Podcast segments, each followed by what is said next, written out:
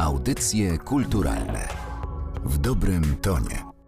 Słuchają Państwo audycji kulturalnych podcastu Narodowego Centrum Kultury. Ja nazywam się Martyna Matwiejuk, a moim Państwa gościem jest dzisiaj Filip Kalinowski, dziennikarz, muzyk, autor książki, o której będziemy rozmawiać w tym podcaście. Dzień dobry, witaj. Dzień dobry.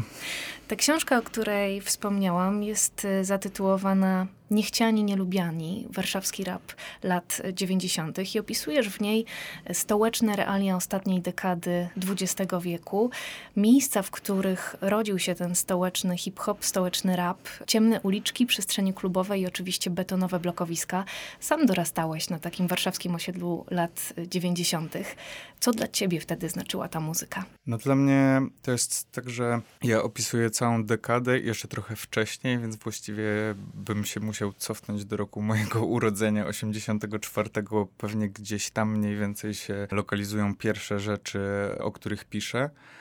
Ale ten warszawski rap, kiedy doszedł już do głosu, czyli najpierw to było Trials X e, w okolicach roku 91, 93 i później pierwsza płyta w 95 roku. I później taka bardzo ważna składanka dla warszawskiego rapu, czyli Smack Beat Records, to był rok 97. I pamiętam jak dziś ten moment, kiedy usłyszałem tą składankę, bo nagle ktoś powiedział coś o moim życiu, o tym, co ja widziałem wszędzie wokół siebie, a do tamtego momentu szczególnie jeszcze będąc dzieckiem, bo w 97 roku ja miałem 13 lat, to trochę żyłem w jakiejś takiej dziwnej formie, wtedy nieuświadomionej, ale jednak takiej paranoi, schizofrenii, tego, że to co widzę nie znajduje nigdzie odzwierciedlenia. Pamiętam, że relacje medialne były albo bardzo suche, albo mówiły o takich rzeczach większych, że tak powiem. Trochę w cudzysłowie, że na przykład codzienna przestępczość taka okradanie dzieciaków na ulicach, tego typu rzeczy, była oczywiście przykrywana przez to, że w tym mieście wtedy wybuchały bomby, pułapki i formujące się grupy przestępcze, już wtedy całkiem nieźle sformowane, strzelały do siebie. I to wszystko, co ja widziałem na tym osiedlu, na którym dorastałem, to jest Jadwisin, taki betonowy projekt na przecięciu Ochoty i Włoch, nigdzie nie znajdowało ujścia ani w muzyce, ani w e, filmach, ani właśnie w mediach, ani też nawet w takim kontakcie z moimi rodzicami, z e, w ogóle dorosłymi, czy z sąsiadami, czy z nauczycielami w szkole oni tak mi się wydawało, że, że w ogóle nie wiedzą, co się dzieje. I z jednej strony oczywiście ja przykładałem do tego rękę, bo ja im też nie mówiłem, mhm. No bo młodzi ludzie wydaje mi się mają coś takiego, że dzisiaj jest inaczej, bo jakby są social media, różne rzeczy, ale wtedy ja nie widziałem żadnej alternatywy. To po prostu była moja rzeczywistość, więc ja ją przyjmowałem taką, jaka ona jest. Nie myślałem sobie, że gdzieś jest lepiej, inaczej. Po prostu tak było. A z drugiej strony, bardzo często te rzeczy, które się działy, jeśli były związane z narkotykami, które wtedy się pojawiły na taką skalę w Warszawie, czy z właśnie jakąś drobną przestępczością, czy z jakąś taką chuliganką małoletnią, jak te zabawy dziecięce przestały być już takimi stricte zabawami, tylko trochę brojeniem, no to często czuliśmy się winni, e, więc nie opowiadaliśmy o tym rodzicom, bo to była moja wina. Jak coś się stało, po co mam mówić rodzicom, że coś złego tam się dzieje jeszcze, to ja będę tym winnym. I nagle jak usłyszałem tą kompilację i szczególnie dwa utwory Molesty, jeden pełnego składu Molesty, a drugi Włodiego solowy utwór, to powiedziałem sobie, wow, ktoś widzi to tak jak ja i żyje w tym świecie i jeszcze potrafi w takich prostych, dosadnych słowach to opowiedzieć i, i to było dla mnie bardzo ważne w tamtym momencie. Czyli taka pierwsza przestrzeń w kulturze, z którą mogłeś się utożsamić po prostu. Opisujesz w tej książce bardzo różne oblicza kultury hip-hopowej i muzyki rapowej tamtejszej warszawskiej sceny.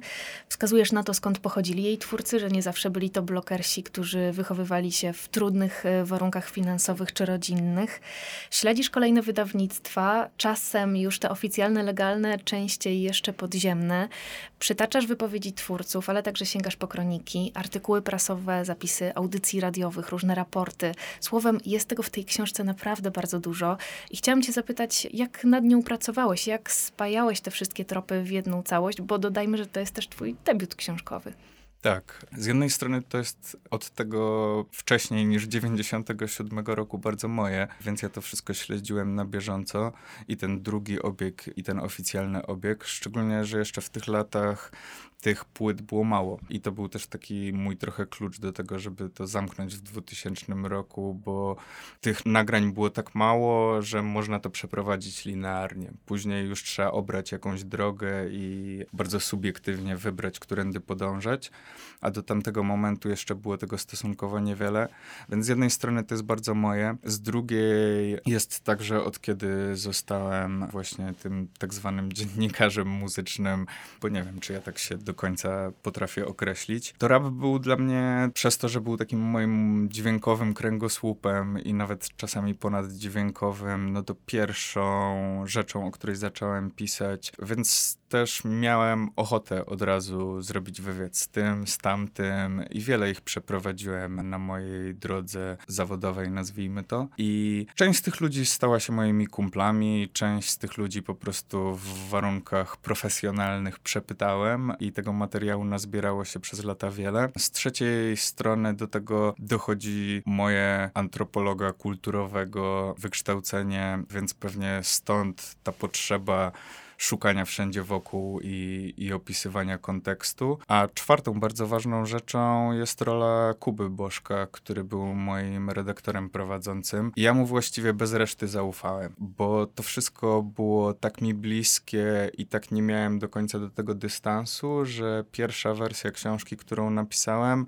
no była tym takim wypluciem ze mnie wszystkiego, co się nazbierało przez te lata i wtedy Kuba powiedział, to może tu byśmy dołożyli to, tu może żebyśmy to wyczyścili. I ja właściwie zawierzyłem wszystkim jego uwagom. Nie trzymałem się kurczowo tego, że przecież to jest moje i ja muszę w ten sposób to opisać. I też bardzo mi zależało od początku, żeby ta książka nie była hermetyczna i na pewno dużo takich środowiskowych wątków, takich, które dla mnie były częścią całej tej układanki, więc je tam włożyłem, to one spadły, bo one trochę zaburzały ten wywód. Więcej źródeł się wtedy pojawiło zewnętrznych, bo bardzo wiele tych rzeczy, o których piszę, jak właśnie narkotyki, jak jakaś przestępczość drobna, jak przemoc, jak w ogóle realia takiego osiedlowego życia, jest trudno mierzalna i weryfikowalna, szczególnie jeszcze w trakcie tej dekady, gdzie już dane były zbierane dużo bardziej wiarygodnie niż przed 89 rokiem, ale dalej jakby to był trochę posttransformacyjny chaos, więc w wielu kwestiach trudno dotrzeć do takich wiarygodnych źródeł, no więc na przykład rozwój, historię narkotyków lat 90., którą miałem w głowie przez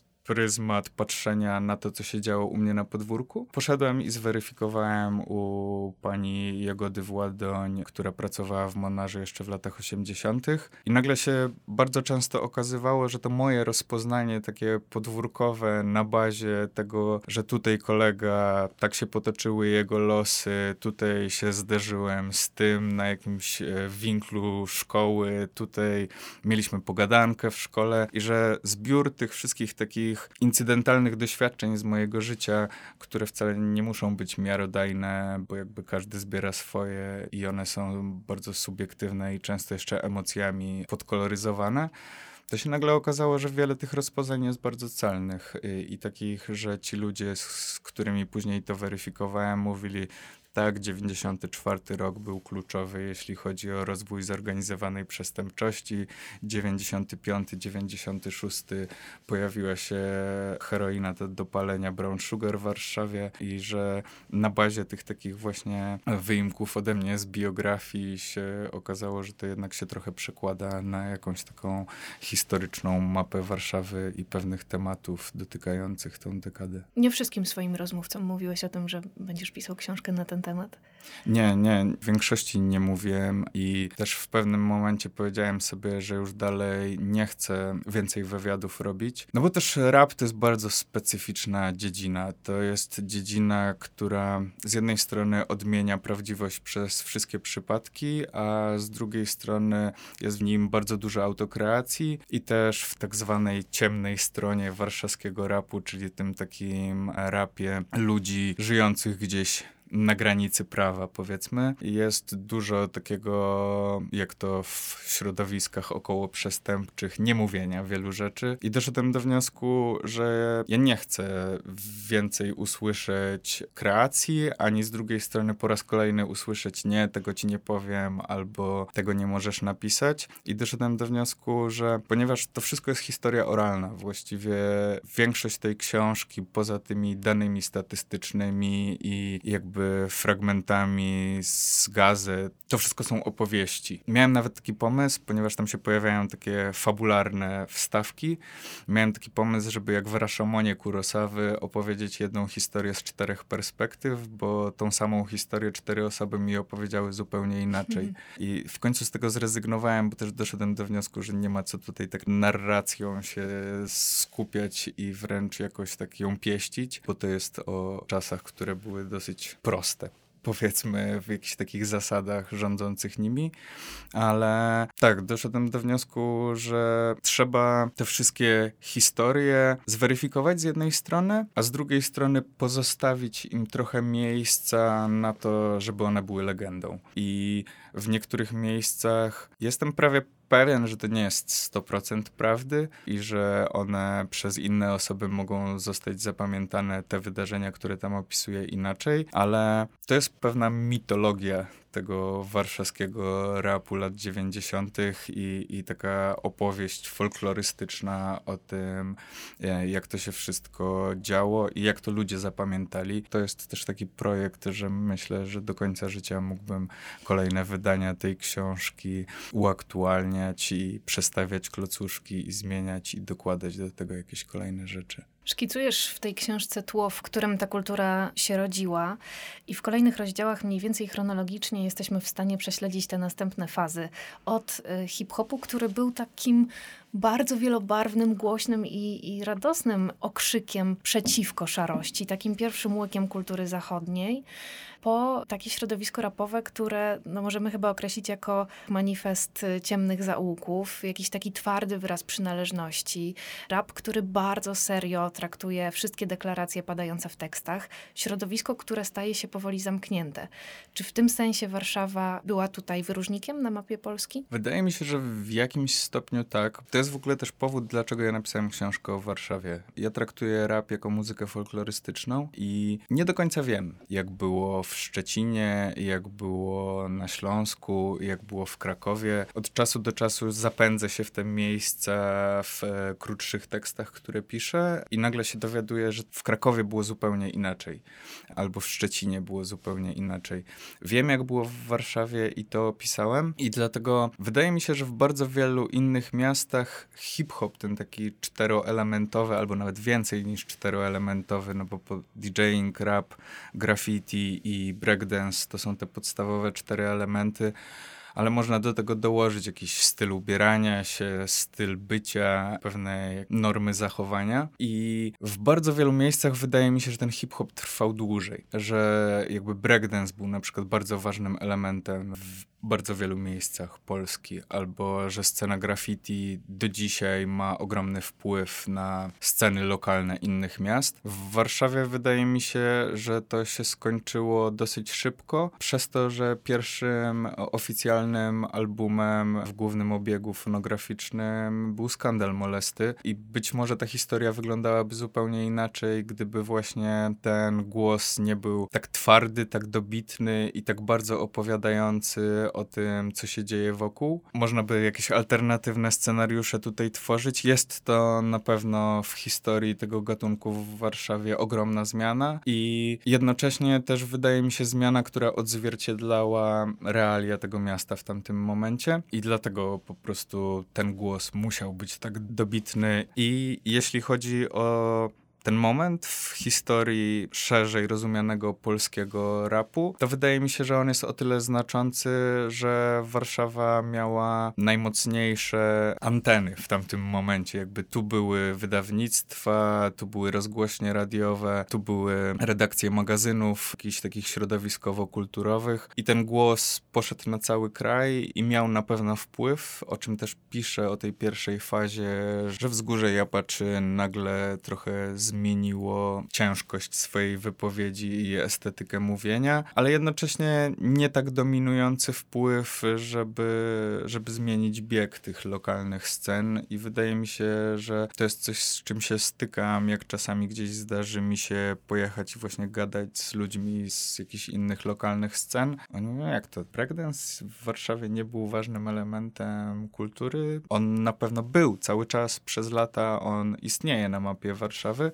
ale niekoniecznie tak bardzo związany z tym rapem, który w tamtym momencie, jak już przejął ten mikrofon, to zdominował wszystko.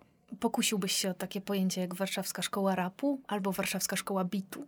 Tak, bitu na pewno, bo DJ 600V był przez lata fundatorem tej sceny i jego brzmienie było dominujące i szerzej niż na Warszawę tylko emanowało. Jeśli chodzi o rap, również wydaje mi się, że oczywiście to jest tak, że pewne rzeczy są nazywane pewnymi pojęciami, dlatego że wydarzają się w kilku miejscach naraz i, i trzeba je jakoś nazwać, mhm. ale przez to, że tak jak mówiłem, te anteny tutaj były silniejsze niż gdzieś indziej, to wydaje mi się, że ten wpływ tak zwanej warszawskiej szkoły, ja bym to nazwał trochę szkołą molesty. Tego, że właśnie ten skandal, jak spadł na to miasto, to bardzo wielu ludzi zaczęło wtedy rapować w zupełnie inny sposób. Ja rozmawiałem z niejedną osobą, która mi powiedziała: Ty, jak ja usłyszałem skandal, to ja przestałem rapować bo ja nie miałem o czym. Ja chodziłem na studia, jeździłem na deskorolce, prowadziłem takie młodzieżowe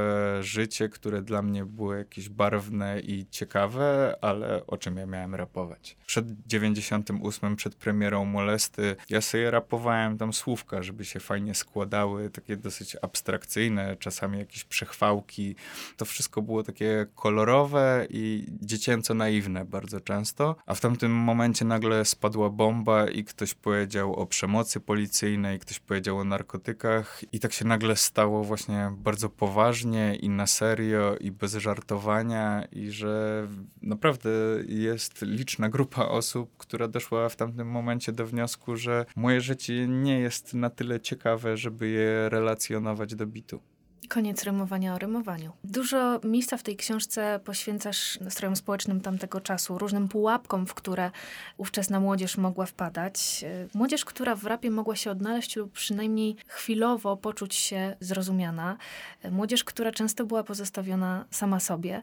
I chciałam cię zapytać, czy te zwrotki raperów były drogowskazami dla tych młodych ludzi? Miały jakiś wymiar wychowawczy? Myślę teraz tutaj o tym może pozytywnym wpływie. Myślę, że tak, bo w ogóle też nie chciałbym mówić o tym, że coś jest negatywne albo pozytywne, bo tu właściwie wszędzie jest bardzo dużo ambiwalencji. Mhm. I w tej mojej pierwszej subiektywnej i trochę środowiskowej, a trochę właśnie takiej personalnej wersji tej książki był szerszy fragment o tym, jak duży wpływ te wersy miały na mnie i jak mnie w pewien sposób wychowywały, bo Wienio i Włodi z Molesty to dla mnie są trochę tacy trzeci trzeci i czwarty rodzic. I to spadło w końcu, zostało trochę mniej z tego, ale jest tak, że ta płyta, która dla wielu osób jest odrzucająca w swojej wulgarności, w swojej bezpośredniości, i w swojej awanturniczości, takim chuligański raport z osiedla, to jest, tak jak Włodi tam rapuje, dosyć dobre podsumowanie tego, co tam jest relacjonowane przez długość trwania tej płyty. To jednocześnie, jeśli to odrzeć z takiego kontekstu właśnie półświadka, trochę tego młodzieńczego chuligaństwa i też walki z wieloma rzeczami, które się widzi wokół siebie i, i właśnie w tym nastoletnim buncie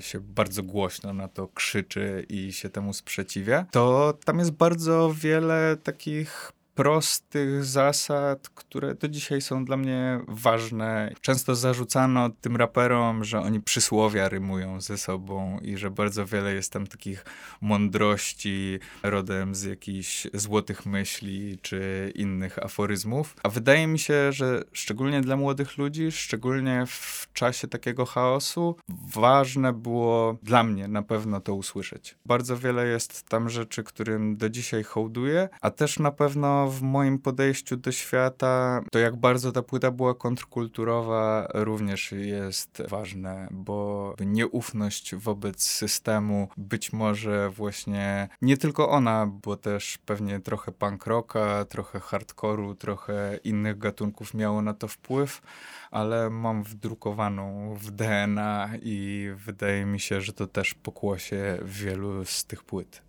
Ponieważ rap jest gatunkiem bardzo intertekstualnym i takim pełnym odniesień do odniesień i tak dalej, chciałam Cię jeszcze zapytać na zakończenie, jak sądzisz, jak silnie echo właśnie tego warszawskiego brzmienia rapowego lat 90. pobrzmiewa dzisiaj we współczesnych produkcjach? Dzisiaj trudno jest mówić w ogóle o rapie jako jakkolwiek jednolitym tworze. Ja trochę się nie zgadzam za każdym razem, jak słyszę, że się mówi o tym scena albo środowisko, bo dzisiaj to jest tak ogromna galaktyka, w której jest wiele różnych systemów planetarnych i rap jest dzisiaj czymś ogromnym, co też przez to, że ten gatunek ma tendencję do tego, żeby zasysać wszystko, co się dzieje wokół, to jest tak, że i znajdziemy dzisiaj pop rap, i znajdziemy noise rap, i punk rap, i właściwie można by dać każdy przedrostek z każdego gatunku innej muzyki rozrywkowej i, i znajdziemy przykłady na to, że istnieje taki